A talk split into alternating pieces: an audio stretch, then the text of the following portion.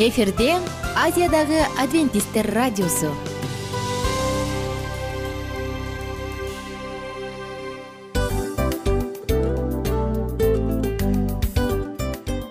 Достор салют.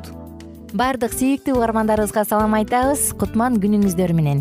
Ден соолук өмүрдүн булагы демекчи саламат саамы программасында баарыңыздарды көргөнүбүзгө абдан кубанычтабыз. Анда алгач амандашып өтөлү арбаңыздар деп. Ден соолугуңуздар кандай элибизде көбүнчө ден соолук кандай дегенде эле жакшы деп жооп беребиз э ооруп турсак дагы жакшы дейбиз. Анан мен муну айтып ойлойт элем бул абдан сонун сөз депчи анткени бул жакшы деген үмүт да э ооба баары жакшы болот баары сонун. Деп үмүттөнүп атып эле өзүбүздү өзүбүз дарылап коебуз. Анысы кандай сиздин дагы ден соолугуңуз жакшы беш деген үмүттөбүз чындыгында ден соолук бул өмүрдүн булагы деп бекеринен айтылган эмес деп ойлойм. Кыргыз элинде анткени эгерде ден соолук жок болсо анда адамдын жашоосунда калган баардык керектүү маңыздуу нерселер өзүнүн баалуулугун жоготуп коет. Ошондуктан ден соолук бул эң керектүү нерсе. Ооба туура айтасың кесиптешим чынында ден соолугуң жок бир эки үч күн ооруп калсаң эле кандай болуп калат? Жашоодо көз каранды болуп каласың көп нерсеге жетишпей каласың көп нерсени кыла албай каласың жада калса эшикке дүкөнгө да чыга албай каласың. Туптуура анан ден соолук болсо демек биз биздин бактыбыз тотой деп койсок болот.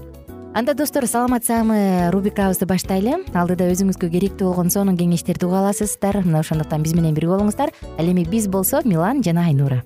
Кеттик алга. Алга саламат саама ден соолуктун жарчысы. Саламат саама ден соолуктун ачкычы. Күн сайын сиз үчүн мыкты кеңештер сонун жаңылыктар кызыктуу фактылар биздин рубрикада.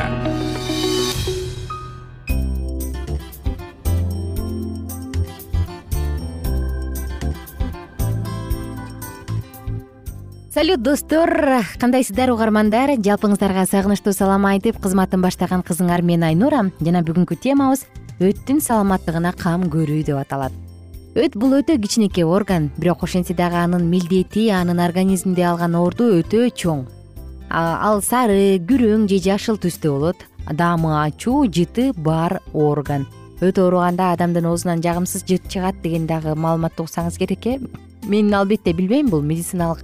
Негизде далилденгенби жокпу бирок көпчүлүк ошентип коет же. Организмде паразит көп болгондо боору ооруганда дагы ушундай ооздон жагымсыз жыт чыгат деп коюшат. Бирок ким билет? Негизи кырк жаштан өйдө аял затынын көпчүлүгү эки үч балалуу же андан көп балалуу болгондордо дал ушул өт оорулары көбүрөөк кездеши мүмкүн экен. Өт кандай кызматтарды аткарат? Бир аз болсо да кыскача айта кетели тамактын сиңиши үчүн зарыл болгон пепсин затынын иштеп чыгашын жөндөп турат. Өт кислоталары болсо ичке ичегинин иштешин активдештирет холецистокинин жана секретин гормондорунун иштешин жөнгө салат бактериялардын пайда болушун алдын алат. Организмдеги холестериндин жетимиш пайызы өттүн жардамы менен заң аркылуу бөлүнүп чыгаарын адистер айтып келишет. Өткө э, туура кам көрүүнү каалай турган болсоңуз өтүңүздү алып салышың. Кызыктай кылат э өтүңүздү алып деп өтүңдү алам өтүңдү үзөм деп урушчу эле го кичинекей кезибизде. Анысы кандай өттөн айрылып калбайын десеңиз анда сиз болгон колдон келишинче гликемикалык индекси төмөн болгон азык түлүктөрдү тандаңыз. Булардын баардыгы тең акырындык менен гликемикалык индекси жогору болсо бул канда глюкозанын жогорку деңгээлине алып келет койгот эмеспи? Ошондуктан мындай азык түлүктөрдөн баш тартыңыз. Чакмакташылган кумшекерди пайдаланбай эле коюңуз. Же жок дегенде жок деген төмөнкү деңгээлге түшүрүңүз. Ошондой эле достор өсүмдүк клетчаткаларын көбүрөөк жеңиз ал сизге э, кандын курамындагы глюкозаны туура деңгээлде сактаганга жардам берет. Эми экзокриндик бөлүгү жөнүндө сөз кыла кетели кадимки эле биздин өтүбүздүн эки функциясы бар э бул эндокриндик жана экзокриндик. Эми экзокриндик бөлүгүнө кантип кам көрүш керек? Ушул жөнүндө сөз кылалы. Панкреатиттин эң эле негизги себеби болгон э, ичимдик арак же алкоголдук ичимдиктерден толугу менен баш тартыңыз куурулган соус жана май эт эт азыктарынан эт кошулган тамак аштардан баш тартканга аракет кылыңыз. Бул да сиздин саламаттыгыңызды жакшыртат. Бүтүн дан азыктары клетчаткага бай азыктарды көбүрөөк жегенге аракет кылыңыз. Ананас папайя сыяктуу жемиштерди көбүрөөк жеңиз мөмөлөрдү бул дагы сиздин тамак сиңирүү ферменттериңиздин баардыгын жакшыртат. Ошондой эле эгерде өттө кандайдыр бир көйгөй болуп атса дароо байкаңыз бул метеоризм же тамактын шашпай сиңиши болушу мүмкүн. Ар кандай экзема болушу мүмкүн мына булар дагы сиздин коңгуроо кагышыңызга белгилер. Курсак ооруса жалпы эле денеңизди мындай курчап койгондой болуп бир нерсе тартса ремень менен курчап туруп тартат го э ошол сыяктуу ооруса же болбосо киндик жагыңыз ооруса демек өтүңүзгө көңүл буруңуз. Булар дагы сиздин өтүңүздүн саламаттыгын туура убагында кам көргөнгө жардам берет ошондой эле достор өттү дарылоонун жолдорун айта турган болсом лимон ширеси менен тазалоо бар. Бул процедура бир жума жүрөт. Тазалоодон мурда эки үч күн клизма жасап анан бир литр сабиз ширесин жана эки жүз элүү миллилитр бадыраң менен кызылча ширесин аралаштырып ичиш керек. Андан соң он он эки стакан кайнак суунун ар бирине бирден лимондун ширесин кошуп ар бир эки саатта ичесиз. Бул ыкма оор бирок абдан натыйжалуу. Тазалоо учурунда боору оору күчөшү мүмкүн. Кийинчерээк басылып өттөгү таштар ком түрүндө зара аркылуу чыгып келет. Өт ооруйт дегенде эле эмне? Таш барбы дейт эмеспи мына дал ушул таштан табигый жол менен арылса болот. Кийинки кезекте грейп фрут ширеси жана зайтун майы менен тазалоо. Тазалоону баштаардан бир күн мурда ач жүрүп кечкисин клизма жасайбыз андан соң грейпфрут ширеси менен зайтун майынан бир стакандан ичип отуз мүнөттө эч нерсе жебейсиз бул учурда кускуңуз келиши мүмкүн. Мындай процедураны жети күн кайталайсыз. Экинчи күнү эле өттөгү таштардын сыртка чыкканын байкайсыз. Грейпфрут ширеси менен зайтун майы операциясыз эле наркоз жебестен органыңызды өзүңүзгө калтырып бул ыкмаларды пайдаланыңыз. Жана алма ширеси менен да тазалашат. Эртең менен саат сегизде бир стакан алма ширесин ичесиз. Саат ондо дагы бир стакан он экиден кечки саат сегизге чейин ар бир эки саатта эки стакандан ичесиз бул диетаны үч күн кайталайсыз натыйжада өттөгү таштардан арыласыз. Жана кара түрп менен тазалоо. Кечкисин жүз грамм кара түрп ширесин ичесиз акырындап төрт жүз граммга көбөйтөсүз бул курс алты сегиз жуманы түзөт. Аягында өт жана өт түтүктөрүнүн толук тазаланганын байкайсыз. Эскертүү өттү тазалаардан мурда сөзсүз узиден өтүп дарыгер менен кеңешиңиз. Анткени өтүндө чоң таштар барларга коркунуч жаратышы ыктымал мына достор сиздерге биз бөлүшө турган темаларыбыздын баардыгын айтып бердик. Эгерде сизде дагы мындай көйгөй бар боло турган болсо өткө байланыштуу учурлар бар болгон болсо анда сөзсүз түрдө денеңизге саламаттыгыңызга кам көрүңүз. Өзгөчө өтү алынган адамдар айтып калат э. Ии колдон келишинче барктагылайбы өттүм бар экен эле кандай жакшы аз тамак жегенде байкалып калат. Кыйналам деп көп айтышат эмеспи анысы кандай достор?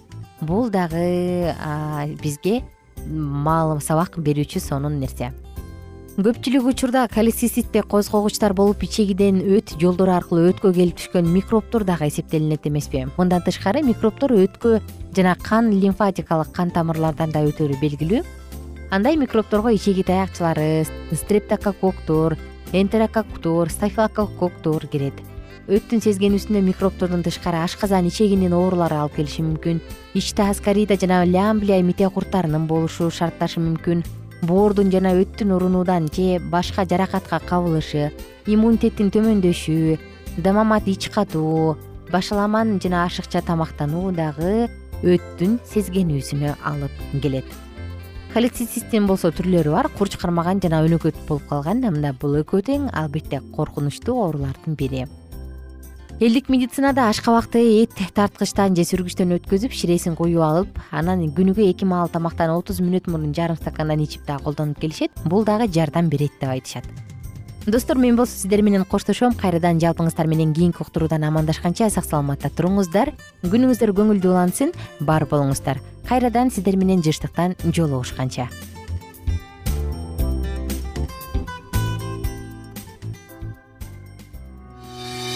саламат саама ден соолуктун жарчысы. Саламат саама ден соолуктун ачкычы. Күн сайын сиз үчүн мыкты кеңештер сонун жаңылыктар кызыктуу фактылар биздин рубрикада. Салют замандаштар баарыңыздарга ысык салам. Дил маек программабызга кош келиңиздер. Дил маек рубрикасы дегенде эле бул эмне болгон дил маек ким менен маектешебиз деп сурайт болуш керек угармандарыбыз бул рубриканы кыскача тааныштыра кетип турган болсок ар тарап кесип ээлеринен болгон сонун интервью кеңештер бар. Ооба. Жылдыздар менен болгон маек бар.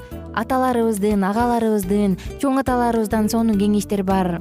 Ошондой эле эже сиңдилердин кеңештери бар. Айтор баардык кызыктардын баары алдыда негизи эле адам баласы бир кимдир бирөөнө ишенип сырын ачкысы келет эмеспи э мындай баарлашууга жакын келебиз го. Албетте. Негизи бир жерге отуруп алып кенен шашпай баягы жүрөктөн жүрөккө ачып сырларыбызды ар кандай көйгөйлөрүбүз менен бөлүшүп баягы чын жүрөктөн маек курганды кимибиз сүйбөйбүз э? Ооба десең ал нерсеге суусап да келебиз да. Ооба кээ бирде адамга чындыгында баягы э, ысык маек баягы жылуу маек жетишпейт да. Ошондуктан биз ушул рубриканы ойлоп тапканыбызда эң биринчи эле достор сиздер менен чын жүрөктөн бир маңыздуу темаларды козгоп кеткени э, кааладык. Ошондуктан ушундай сонун бир рубриканы тартуулап жатабыз. Анын үстүнө радио дагы сонун дос да анткени э, мындай учурда досуңа айтсаң досуң досуна айтат досу досуна айтат да анан бүт өлкө билип калышы мүмкүн го. А радио болсо сени сатпаган сенин айыбыңды ачпаган. Сенин сырыңды эч кимге айтпаган сонун дос ошондуктан биздин алдыдагы айта турган кеңештерибизди биздин досторубуздун кеңештерин угуп анан ал жака пикириңизди дагы калтырып кайрадан биз менен байланышсаңыздар болот. Деги эле жашооңузга эгерде кичине болсо дагы өзгөрүү алып моралдык жактан нравовдук жактан сонун бир кеңештерди алсаңыз демек биз максатыбызга жеттик. Ооба. Чыңгыз атабыз улуу жазуучу э, чыңгыз айтматов айткандай адам болуу бул күнүмдүк процесс экен. Күн сайын адам бойдон калуу бул адамзатка эң эле кыйын дейт э? э эң кыйын дейт. Чындыгында бунун э, негизинде адамдын эң баягы сапаттуулугу адамдын э, адамгерчилиги жана көптөгөн керектүү нерселер. Мына ошол темалар дагы бизде ушул дил маекте биз аларды да козгойбуз. Ден соолук жөнүндө да сүйлөшөбүз. Сөзсүз түрдө. Анан милан мырза негизи айтып коюшат го биз көбүнчө эмнени ойлонсок ошол нерсеге карата иш кылабыз го. Ооба анан анысы кандай? Балким бул радио баракчада кимдир бирөөнүн оюн текшергенге жардам берет кимдир бирөөнүн жүрөгүн текшергенге жардам берет. Балким кимдир бирөөгө жашоонун маңызын тапканга жардам берер. Айтор кызыктын баары алдыда бул жөн гана кыскача жарнама анда угармандарыбыздын баардыгын кийинки рубрикабызга чакырабыз. Ал эми кызматта маңдайымда отурган кесиптешим милан жана мен айнура. Анда эмесе биз даярдаган терең терең ойлор менен таанышууга кеттик. Алыс алыс баралык анда эмесе достор биз менен бирге болуңуздар. Алдыда эң кызыктуу маалыматтардын баардыгы бир нече мүнөттөр бою жалгыз гана сизге арналат мына ошондуктан жакшы маанай менен угууну каалайбыз. Үн алышканча. Жөнөдүк. Ар түрдүү ардактуу кесип ээлеринен алтын сөздөр жүрөк ачышкан сыр чачышкан сонун маек дил маек рубрикасында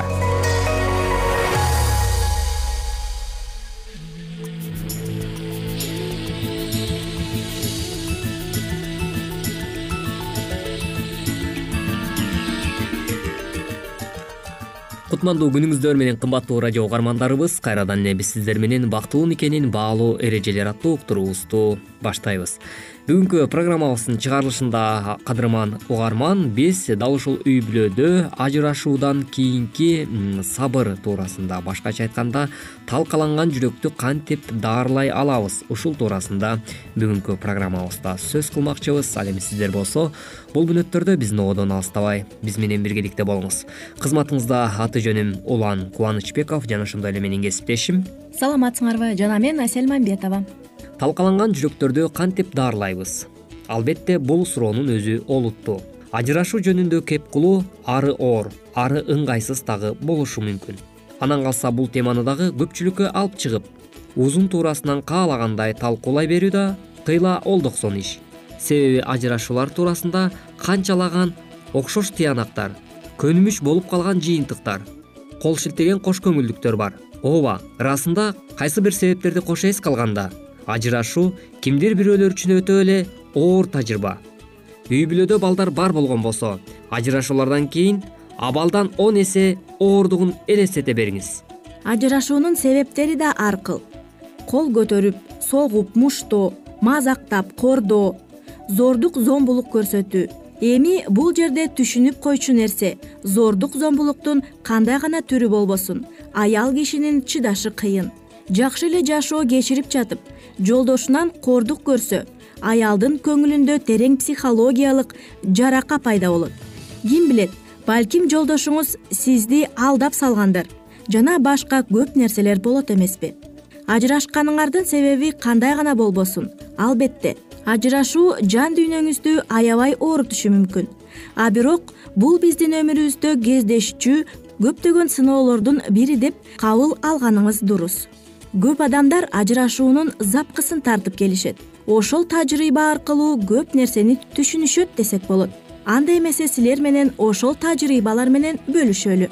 Ажырашуудан кийин сиздин башыңызга үйдөгү көп милдеттер түйшүктөр үйүлүп анын үстүнө үйдө балдарыңыз болгон болсо өзүңүздү өзүңүз моралдык жактан кайгыга малып качанкы өткөндөрдү эстеп чөгүүнүн такыр зарылчылыгы жок. Анте берсеңиз колуңуз да бутуңуз да тушалып ыйлактап отура бересиз. Андан көрө ушул убакытты салмактап таразалап иш кылыңыз. Ошондой эле кадырман радио каарман. Ар бир күндөн ар бир нерседен бакыт издегенге аракеттениңиз ушул нерселерди тажрыйба катары иш жүзүндө үйрөнө турган болсоңуз анда жашооңузду кыйла жеңилдеткенге аракет кылганыңыз абдан маанилүү экендигин бүгүнкү күндө айрым бир психологдор кеңеш берип келишет. Албетте ажырашкандан кийин бүт эле караңгы ойлорго алданып санаага батуу өтө эле оңой. А бирок мындай абалда берилип кетүү ансыз да ажырашуудан жабыркап турган кишинин ого бетер чөктүрөт кайгыга алдырган учурда кээде эң эле жөнөкөй нерселер жараткандын берген бизге белеги болоорун унутпаңыз. Ошондуктан кымбаттуу жубайлар өзүңүздү алаксыта турган бир нерсе иш же хобби ойлоп тапсаңыз дагы жакшы. Чөккөндөн чөгүп өзүңүздү өзүңүз жеген ойлордон алыс болуп кандайдыр алаксытаар ары өзүңүзгө кызык болгон бир ишке алаксыңыз. Айтарым алдыңызга кандайдыр көңүлүңүз эңсеген максатты коюп ошого баары бир жетем деп өжөрлөнүңүз. Ошол максатка күнүгө бир эки саат коротсоңуз деле ажырашуудан кийин кайгыга жетеленген абалдан кыйла алаксып кандайдыр пайдалуу нерсе менен алектенүү чынында эле сиздин ден соолугуңузга жан дүйнө абалыңызга дагы жакшы таасирин тийгизет мындан сырткары дагы кымбаттуу жубайлар сиздер өзүңүздөрдүн тилиңиздерди ар кандай кептерди айтуудан абайлаганыңыз дагы жакшы. Ажырашкан аялдын колунда балдары болсо сабырды кармоо чыдамкай болуу албетте оңой иш эмес. Эне катары эмоцияга алдырып ар кандай сөздөрдү айтып өзүңүздөн чыгып кетүүдөн сактаңыз. Тилиңизди этият кылыңыз ажырашкандан кийин сөзгө ачууга ууккан кайгынын уусуна чыланган абал курчап алган болот. Ошол таасир менен оозуңуздан чыккан ар бир сөз шамшаар кылычтай өтө курч болот. Андай ачуу сөздөрдү бирөөгө айта турган болсоңуз ал өмүр бою көкүрөктө сакталып көңүлүндө калып аны унутпай кечирбей турган деңгээлге жеткириши мүмкүн. Андыктан кымбаттуу жубайлар бул нерселерди эске алуудан сырткары дагы бирөөлөрдүн дагы жардамына умтулганга аракет кылып алардан кеп кеңештерди сураганга дагы аракет кылыңыз. Ажырашып жаныңыз кейип турганда кайсы бир сыр бөлүшөр жакын курбуңуз же психолог менен сүйлөшүңүз. Сиздин эмоцияңызды туура түшүнүп кабыл ала турган тараптарга кол сунуңуз. Ажырашкан соң жаныңарда сырыңарды бөлүшкөнгө жакын адамыңыз болсо жакшы. Ойлонуп көрүп айткылачы эмне үчүн менин тагдырым мындай болуп жатат? Буга мен өзүм жол бердимби? Эгер өмүрдү артка кайтарчу болсо мен баарын башкача жасамакмын башкача сүйлөмөкмүн деп биз өзүбүзгө өзүбүз канча жолу суроо бере алдык. Ажырашуу күндүн бүткөнү арганы түгөнгөн соңку чекит эмес. Ажырашуу тагдыры сизге кандайдыр көлөкө түшүрүп кемсинте албайт. Тек гана турмушта ушундай нерселер болот адамдар кээде мамиле табышпай келише албай калаары кадыресе эле нерсе. А бир жагынан ооба өмүр бою кол кармашып түтүн булаталы деп чечкен жакын кишиңиз менен ажырашып кетүү сизге өтө оор тиет. Бир ажырашуунун айынан бүтүндөй өмүрүңүздүн жабыркашына жол бербеңиз албетте кадырман жубайлар сөзсүз түрдө биз жашообузда эч убакта ажырашуу болбосун деген тилегибизди билдиребиз. Ал эми сиздердин ак никеңиздер адал болуп ошол эле учурда бактылуу никенин баалуулугунун даамын сезип жашай бериңиздер деген тилегибизди билдирип жамандан алыс болуп жакшыга жанашканга аракет бололу деп ар бир үй бүлөгө ынтымак кааламакчыбыз угармандарыбыз бүгүнкү уктуруубузга кулак төшөгөнүңүздөр үчүн ыраазычылык билгизебиз. Кайрадан эле биз сиздер менен эмки алышканча аман туруңуз. Ар түрдүү ардактуу кесип ээлеринен алтын сөздөр жүрөк ачышкан сыр чачышкан сонун маек. Бир маек рубрикасында.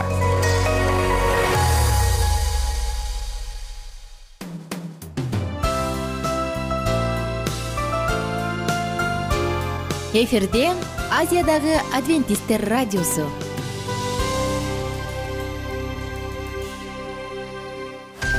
Жан дүйнөңдү байыткан жүрөгүңдү азыктанткан жашооңо маңыз тартуулаган жан азык рубрикасы.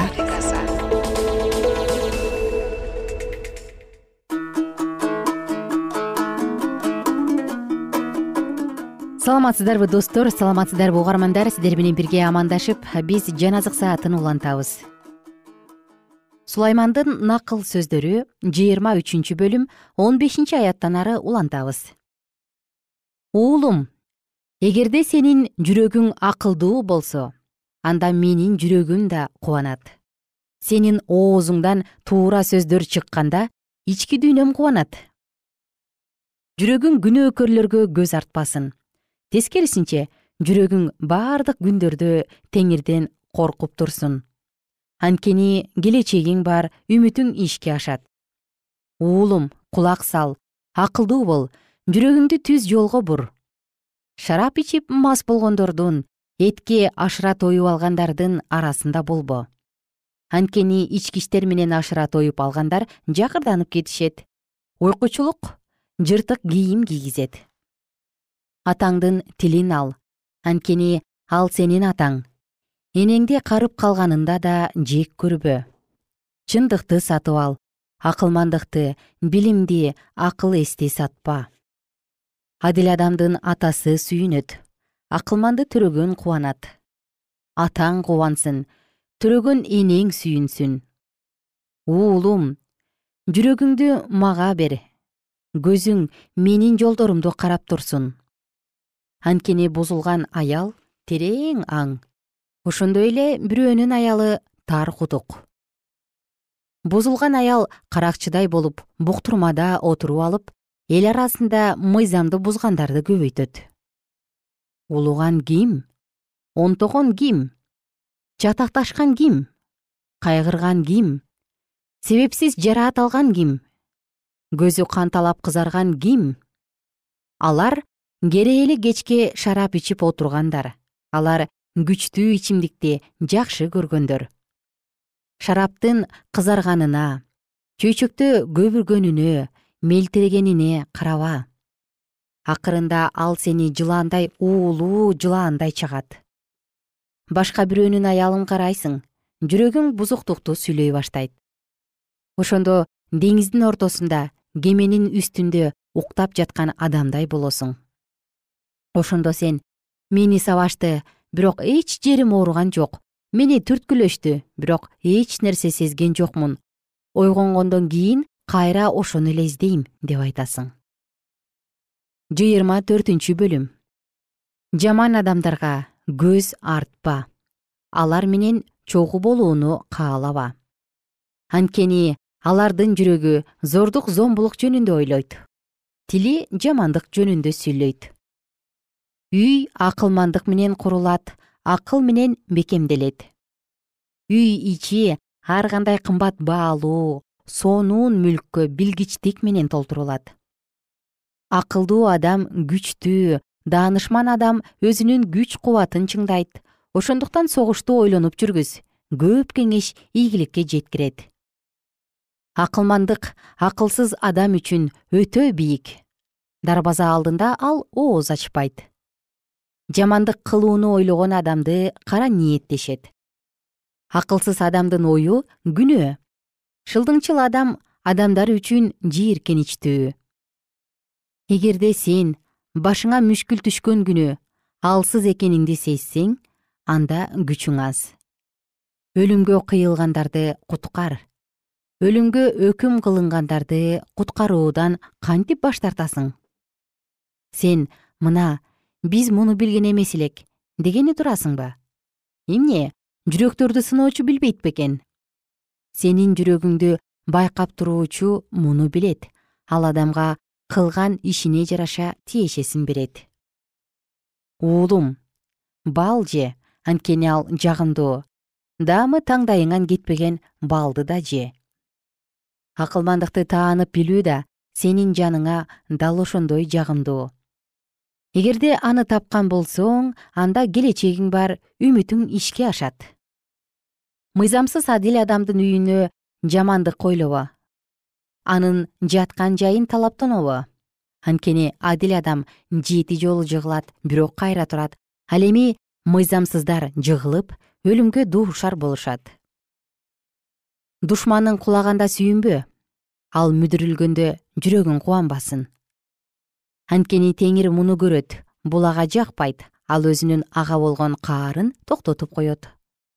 Жамандык кылгандарга ачууланба мыйзамсыздарга көз артпа. Анткени жамандык кылгандардын келечеги жок мыйзамсыздардын чырагы өчөт. Уулум теңирден жана падышадан корк козголоңчулар менен байланышпа анткени теңир менен падышадан өлүм күтүлбөгөн жерден келет. Экөөнүн келе турган кыйроону ким алдын ала айта алат? Акылмандар да сотто бет карамалык кылуу жакшы эмес деп айтышкан эмеспи күнөөкөргө сеники туура деген адамды эл каргайт аны уруулар жек көрөт. Ал эми айыпты ашкерелегендерди эл жакшы көрөт алар бата алышат туура жооп ооздон өпкөндөй.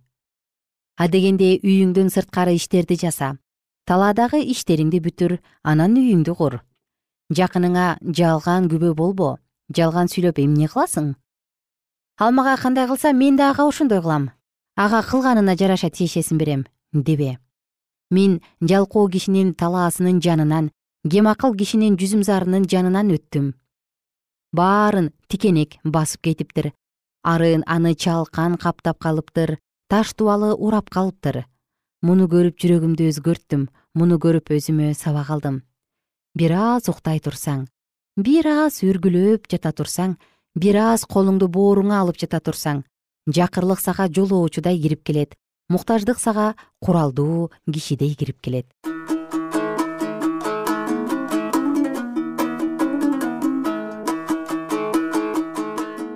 кымбаттуу достор. Адамдын сапатын адилдик менен мыйзамсыздыктын айырмасын ачып берген негизи эле жашоодо адилдикке тазалыкка чындыкка үндөгөн сонун сөздөрдү сулайман пайгамбардын накыл сөздөрүн бирге окудук. Алдыдагы уктуруулардан кайрадан амандашканча сак саламатта туруңуздар. Сиздер менен эртеңкиге чейин деп коштошом